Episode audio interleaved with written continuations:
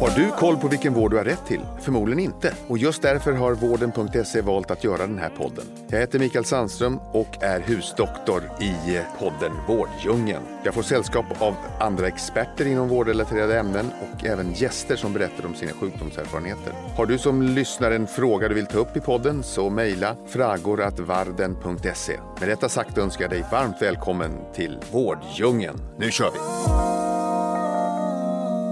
Varmt välkomna till ett nytt avsnitt av Vårddjungeln med mig Staffan Gustafsson. Idag har vi med oss Margareta Danelius som är chefsöverläkare på Capio. Och eh, till dagens avsnitt så har vi fått en rykande färsk undersökning från Lynxeye som säger att svenskarnas absolut största frustration är väntetider inom vården. Så nu får jag möjlighet att ställa alla frågor jag velat ställa om hur vi kan öka tillgängligheten inom vården. Jättevarmt välkommen Margareta! Tack så mycket, spännande ämne. Ja, det ska, och det ska bli jättekul att få höra, höra din syn på det hela här. Och eh, vad säger du, ska vi kasta oss ut? Det gör vi. Ja.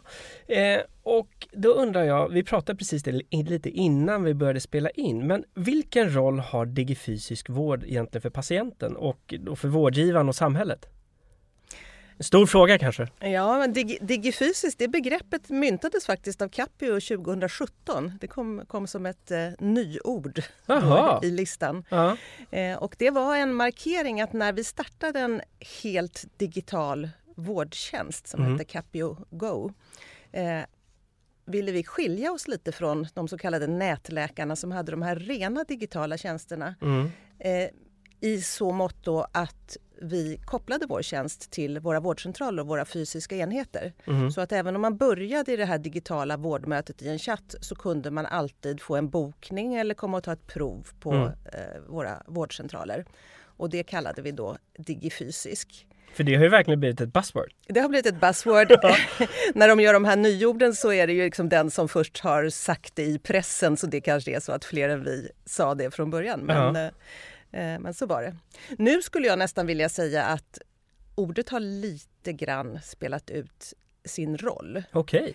För jag tror inte att det finns någon vårdenhet som inte har en digital komponent Nej. i sin vård. Mm. Vi kanske tänker digitalt väldigt mycket det här bara chatt och eh, videomöten men jag menar digitala elektroniska journaler, vi skickar recept till eh, apoteken digitalt.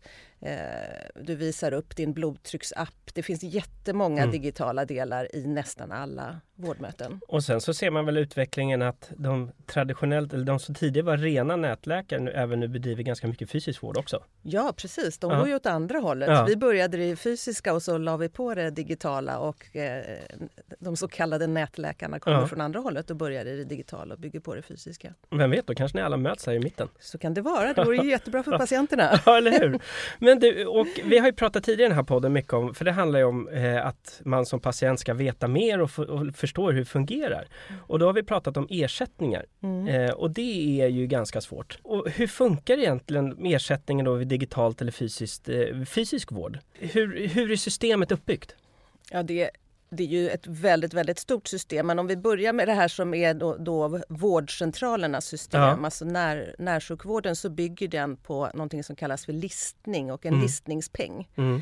Och det betyder att för den här eh, första linjens vård, det som du får på din vårdcentral, så finns det en skattepeng som är din. Som en skolpeng nästan? Som eller? en skolpeng. Okay. Den är lite grann, eh, skiljer sig lite i storlek beroende på din ålder och din sjuklighet och sådär. Men mm. Eh, man kan säga att ja, det finns en peng. Och när du listar dig på en vårdcentral, när du väljer eller skriver upp dig på en mm. vårdcentral, då går den pengen till den vårdcentralen. Och den pengen ska då räcka till din vård. Okej, okay. och hur mycket, och ponera att jag är listad på, eller jag är ju listad någonstans. Eh, hur mycket pengar rör det sig om? Ungefär?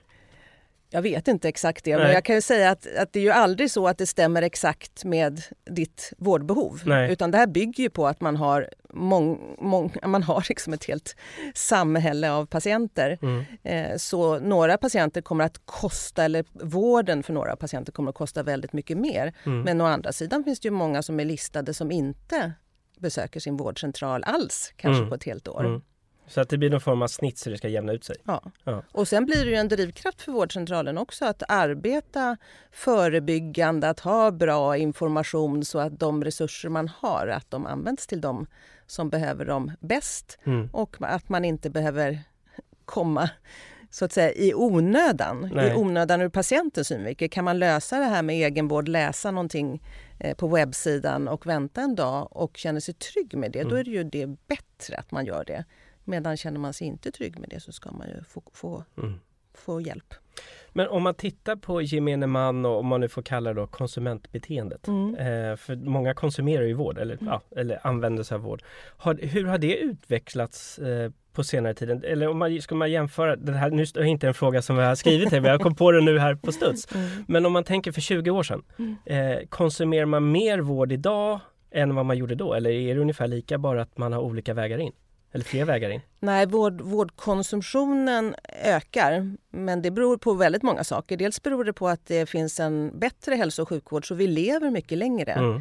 Vi lever längre med våra kroniska sjukdomar också. Mm. Och vi får dessutom våra diagnoser tidigare för att vi är bättre mm. på att ställa diagnoser. Mm. Sen är vi också mycket mer intresserade av hälsa. Mm. Eh, när jag började som läkare, och det var mycket med, med man hade upptäckt betydelsen av höga blodfetter och sånt. Det var ju ett, eh, en kamp att få människor att vara intresserade av sin kost och mm. att göra förändringar. Medan nu kommer ju människor och vill ha råd om sin kost innan de ens eh, har någon sjukdom. Ja. Vad kan jag göra för att inte få ja. en sjukdom? Ja. Och det är ju en väldigt positiv utveckling. Och nu kan man väl till och med få träning på recept? Ja. ja. Du nämnde lite tidigare om listningsersättning eh, och i en tidigare podd så eh, hade vi eh, ordförande för Läkarförbundet här mm. som driver frågan att man vill att man ska vara listad hos en specifik läkare, en person alltså. Hur, hur, ser, du, hur ser du på det? Jag tycker att man ska utgå ifrån patientens behov och önskemål. Mm. Ehm, och det är inte alltid så att det är att ha en läkare som man är listad hos och alltid kommer till det kan vara det. Mm. Eh, men där kommer vi in på det här, liksom, vad, är, vad är vitsen av kontinuitet? Mm. Ja, dels är det att man får en tillit, man skapar en relation där det blir lättare att arbeta tillsammans. Och dels är det en effektivitets och kanske säkerhetsfråga. Att man behöver inte överföra lika mycket information vid varje tillfälle Nej. för att man vet eh, en del om varandra. Inom parentes kan jag säga att ibland kan ju det vara lite farligt också för att man tror att man vet väldigt mycket. Hur då? ja, man är inte lika aktiv på att, att, fråga eller att eh, se det med nya ögon utan lite fast i sina föreställningar om varandra. Okay. Precis ja. som i vilken relation som helst där man kan köra in i mönster som ja, inte, ja, inte, alltid är toppen. Intressant. Så att det, det, du säger det är alltså att det är bra, eller det är utifrån patientbehovet helt enkelt? Ja, är det patienten själv som ska välja då eller hur? Jag tycker att patienten själv ska välja. Sen kan vi ibland behöva ge råd om vad som är bra. Ja. Eh, men jag tänker, låt säga att jag eh, drabbas av en depression. Mm. Och så får jag en hyfsat snabb tid på min vårdcentral. Inte hos läkaren som jag är listad hos, utan Nej. hos den som har en, en, snabb tid. Och den här doktorn, ja, vi, vi klickar jättebra. Mm. Han, han, lyssnar fint, han hjälper mig med mina läkemedel. Jag känner att det här är en som jag eh, gärna kommer tillbaka till. Mm. Men för den skull kanske jag inte vill släppa min andra läkare, hon, mm. ast astmaläkaren som mm. liksom kan min sjukhistoria och som jag har eh, gått hos. Eh, jag känner att just när det gäller astma, jag vet att hon är superkunnig på det. Hon kan hela min historia. Sen är hon inte jättebra på att kommunicera, men det gör inte så mycket för det brukar vara astmasköterskan som jag har kontakt med och eh, eh henne kommunicerar jag bra mm. med. Eh, så de här, jag, jag, kanske inte nödvändigtvis vill ha kontinuitet. När mm. jag sen eh, söker för min misstänkta, vad kan det vara, könssjukdom eller någonting. Jag, jag kanske just inte vill träffa någon av dem nej, som nej, jag vill träffa sen. Och ja. Jag kanske är i en familj också där vi har väldigt mycket kontroll över varandra och mm. där vi går hos samma allmänläkare och det finns några grejer som jag vill, även om jag litar på tystnadsplikten så vill jag hålla det här mm. helt utanför. Mm. mm. Så det kan finnas väldigt många olika önskemål. Mm. Det är inte alltid så att kontinuitet är det enda som är bra. Nej. Och jag nämnde lite där i inledningen den här undersökningen att många är så frustrerade över väntetider. Mm. Och det handlar mycket om, om eh, tillgänglighet eh, inom vården. Mm. Eh, ett, också ett ämne som har dykt upp många gånger det är jämlikhet inom vården. Att det mm. kan skilja mycket beroende på var man råkar bo. Ja. Hur ser du, vad finns det för förutsättningar att skapa en så jämlik och tillgänglig vård som möjligt? Jag tänker att den jämlika vården är ju att man får chans till samma medicinska utfall, alltså samma effekt. Mm. Eh, och medicin är ju, det är ju en vetenskap, vetenskap och beprövad erfarenhet. Det är ju inte någonting som jag sitter och uppfinner där i mötet Nej. med patienterna utan vilka utredningar, vilka behandlingar som finns, eh, finns det ju väldigt mycket evidens för och det ska ju komma alla människor till godo. Mm. Men sen behöver människor individuellt bemötande.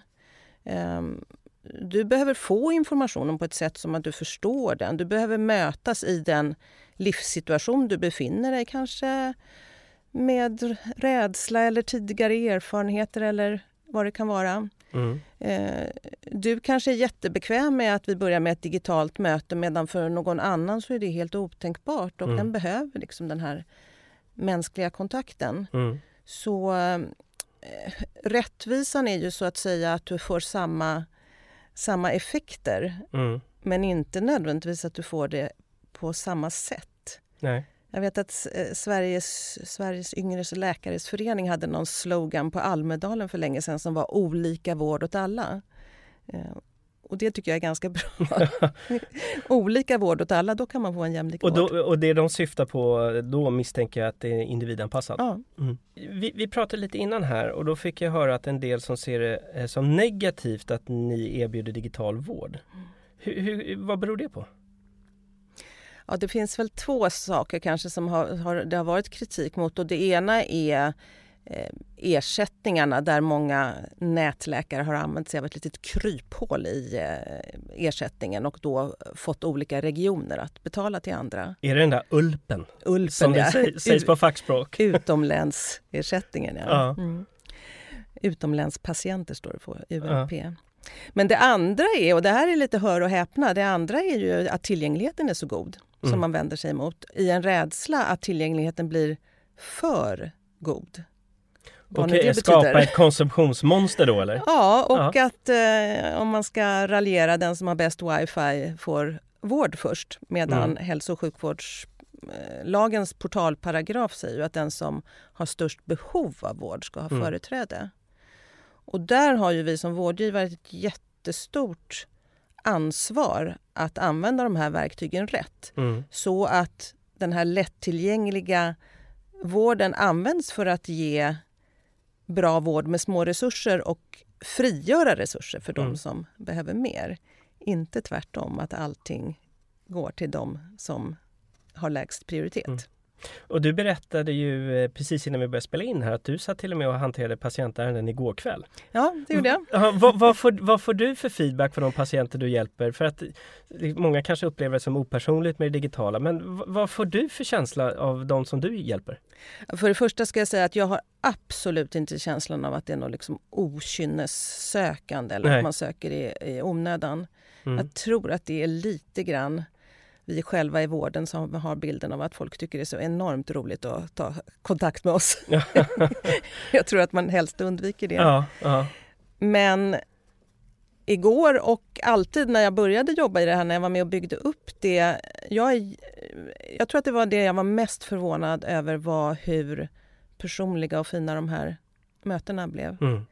Jag, jag, hade nog en idé också av att det var lite fyrkantigt och att man bara följde standardiserade processer. Men det här att skriva till varann, det ger en annan typ av möte där vi också hinner lyssna på varann, hinner tänka. Mm. Du kan läsa det jag skriver till dig fem gånger och fundera på vad du har för frågor. Mm. Och sen kan du kontrollläsa det du själv har skrivit fem gånger innan du liksom funderar på om det verkligen är det mm. som du vill säga till mig. Så vi, har, vi har väldigt gott om tid. Ja, jag förstår. Och jag kan ju bara se på mina... Jag har en, en eh, dotter som snart blir tonåring. Mm. Och de skriver ju bara till varandra. Ja, de, de pratar vet, inte så mycket längre. Nej, de vet ju inte vad telefonen är till för. Så vad ska jag säga? nej.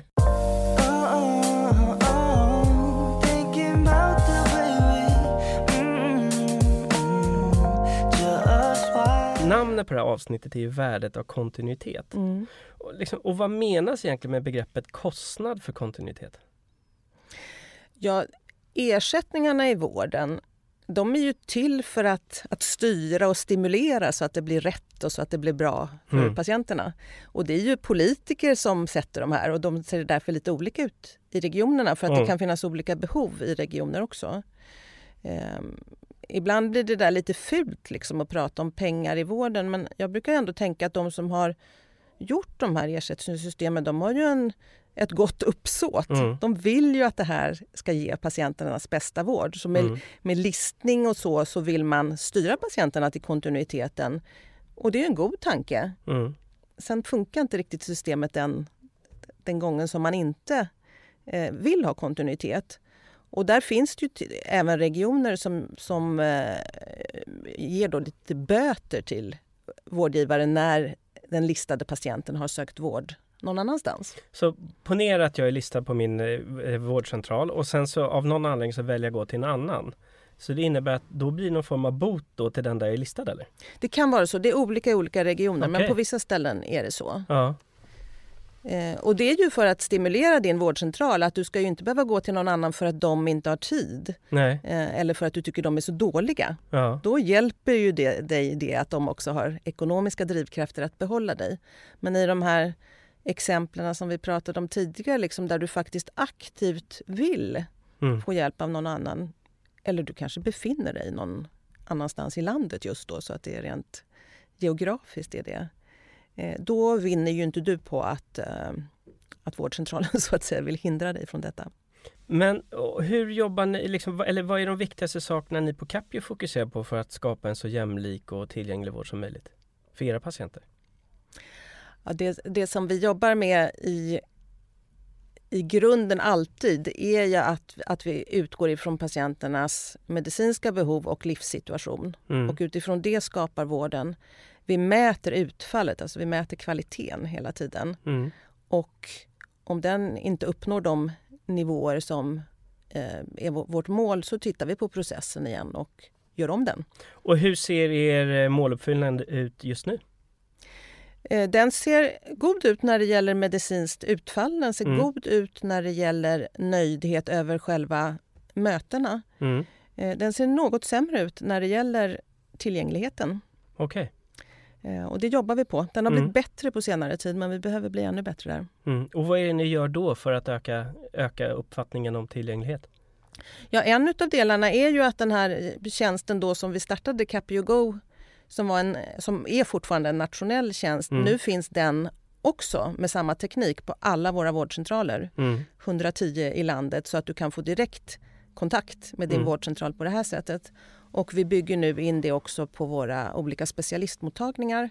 Och dessutom bygger vi ihop systemen så att om du kommer till en vårdcentral och behöver till en annan eller behöver komma till en specialist eller börjar i Capio Go för att det är söndag klockan 17 mm. men behöver en fysisk undersökning på vårdcentralen så behöver du inte börja om ditt ärende utan vi slussar dig. Och historiken hänger med?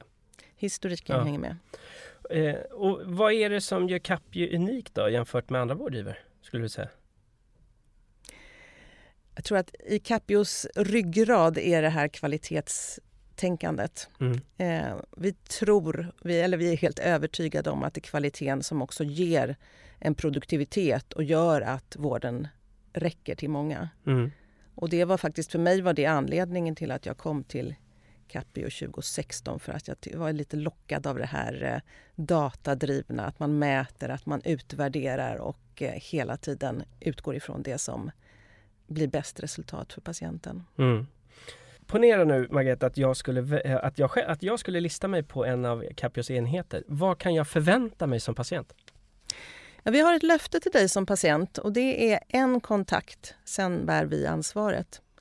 Så du ska inte behöva vara med om att uh, få börja om eller slussas hit och dit utan när du har berättat vad du behöver hjälp med så kommer vi att guida dig till den eller de som kan hjälpa dig bäst. Det låter ju, nej, men det låter ju utmärkt. Eh, så man slipper vara den där illen och bara rigga på och ringa och ringa och ringa. Ja. ja. Det är en stor frustration för väldigt ja. många patienter. Och det tror jag väldigt många kan känna igen sig i.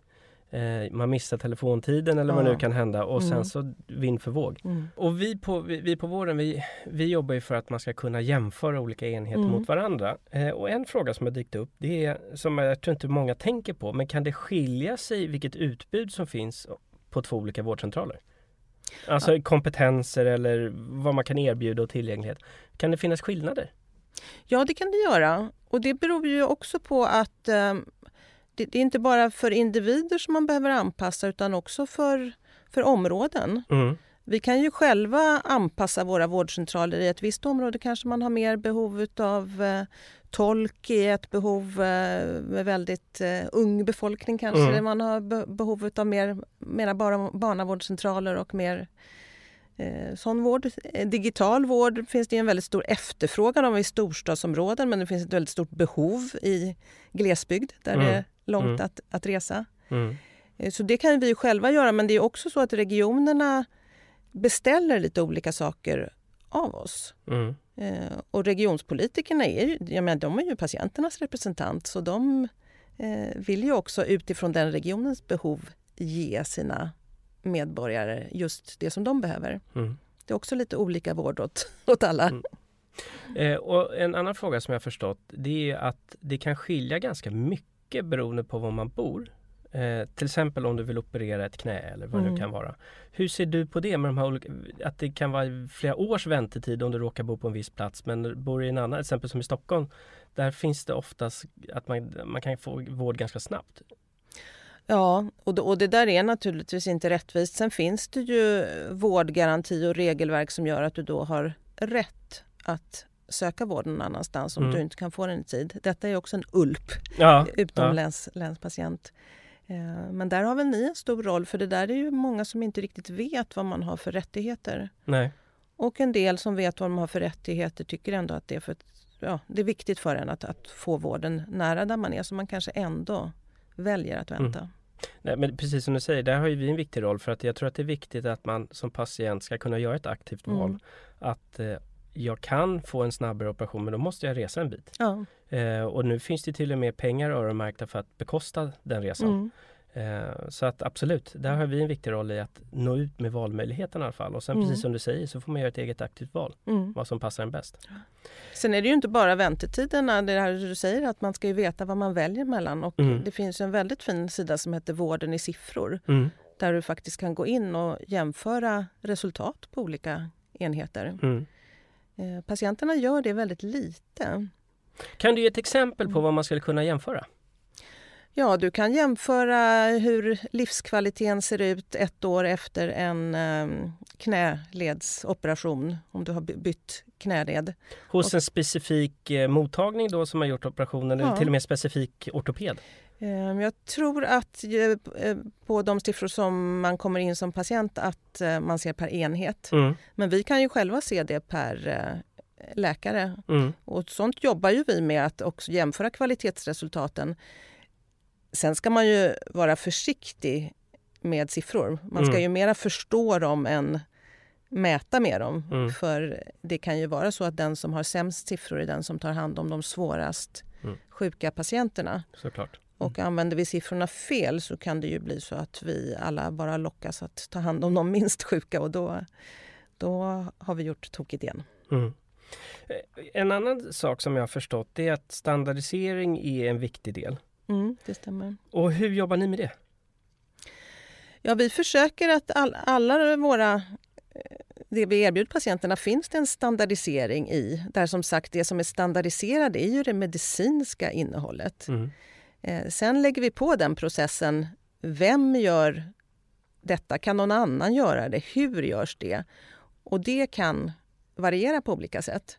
Men genom att vi alltid eh, av våra standardiserade processer också mäter vad har det för effekt och det följer vi, både mm. knäledsoperationer och annat, då kan vi ju jämföra. Ja, men när vi gjorde det på det här sättet så fick vi det resultatet och när vi gjorde det på det andra sättet så blev det ett annat resultat. Har vi något att lära av detta eller fanns det faktiskt en rimlig förklaring till att det blev mm. olika där? Mm. Det låter som att ni jobbar väldigt aktivt med att ständigt förbättra er. Ja, det gör vi och, och i det ingår att jämföra ja. jämföra med oss själva och jämföra med andra. Ja. Och eh, jag tror inte det har undgått någon att det finns ju i tid och otid väldigt eh, många olika typer av upprop eh, som, från olika grupper som arbetar inom vården. Alltifrån för akutmottagning och så vidare. Hur, hur ser ni på det? Eller du? Ja, jag är ibland en lite naiv människa så när ett sånt här upprop kommer tycker jag det låter jättebra. Ja. Klart, att barnmorskorna ska ha eh, bättre arbetsmiljö. Klart att eh, allmänläkarna ska ha färre patienter så de hinner med. Mm. Men man behöver ju sen lyfta blicken och fundera på i våra resurser som ändå är begränsade, vad är det då vi ska ta bort? Mm. Är det de cancersjuka? Är det de äldre? Vem är det som ska få vänta lite? Eller vilken yrkesgrupp är det som ska behöva jobba lite hårdare istället? Mm. Sen önskar man ju att resurserna ändå räcker till. Att det finns annat eh, som vi kan rensa bort kring mm, mm. administration och stökiga processer. och mm. Väntelistor kostar ju också. Så att det räcker till alla de här uppropen. Men eh, jag tror att man ändå måste lyfta blicken och eh, inte se upprop för upprop utan mm. titta på helheten och eh, eh, ja, ta, ta ansvar för det. Då blir jag nyfiken och fråga dig. Eh, ponera att en åtta timmars arbetsdag.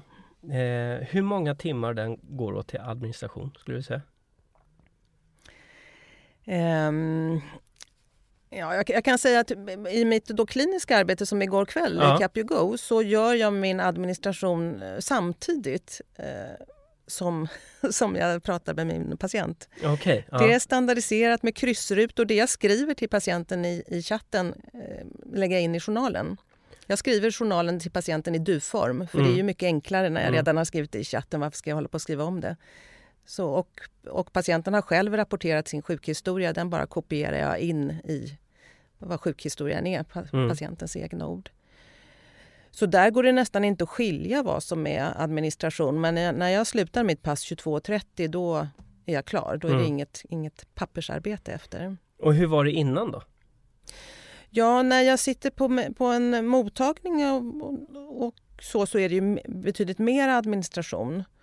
Och ofta är det också detta att man dikterar journaler, det kommer provsvar sen i efterhand som ska signeras och eh, Eh, sådär. Så det är betydligt mer administration. Mm.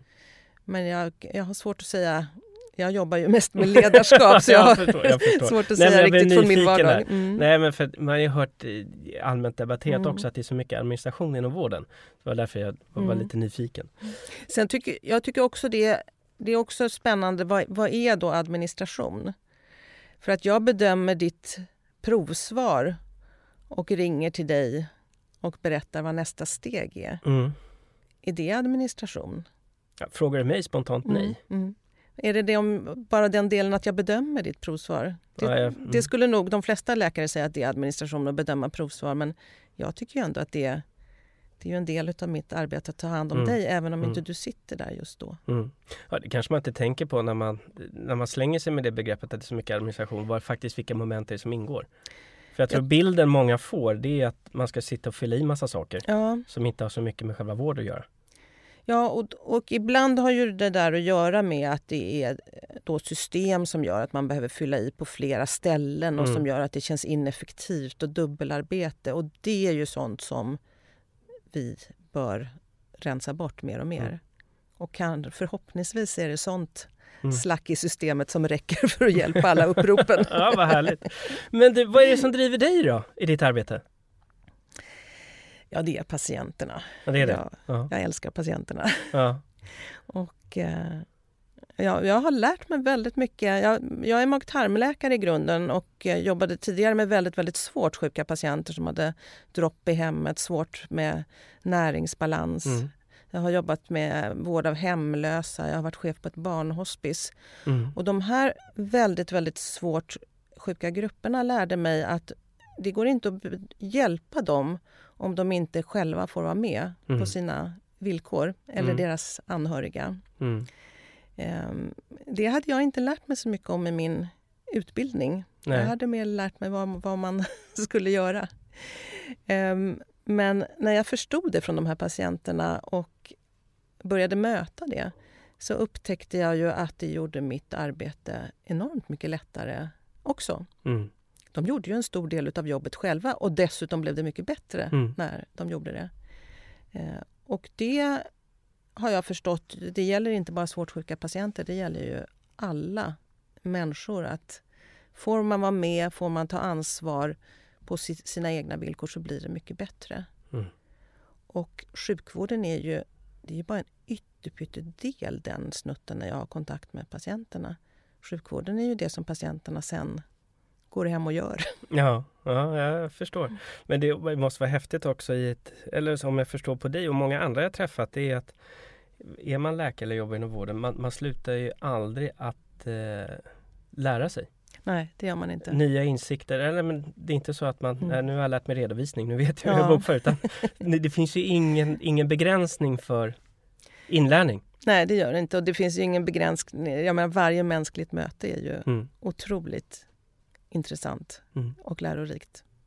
Men om du ska titta i kristallkulan framåt då? Hur, hur ser framtiden ut och vad är liksom det viktigaste som ni jobbar med? Jag tror att den här, att integrera vården att, så att det blir sömlöst för patienten mellan våra olika enheter. Vi håller på med det, men där mm. har vi en lång bit att gå. Um, ni kanske inte kommer att behövas sen när det är gjort. För, så att säga, vi Men du ägnar... sa ju att det var läng- långt bort!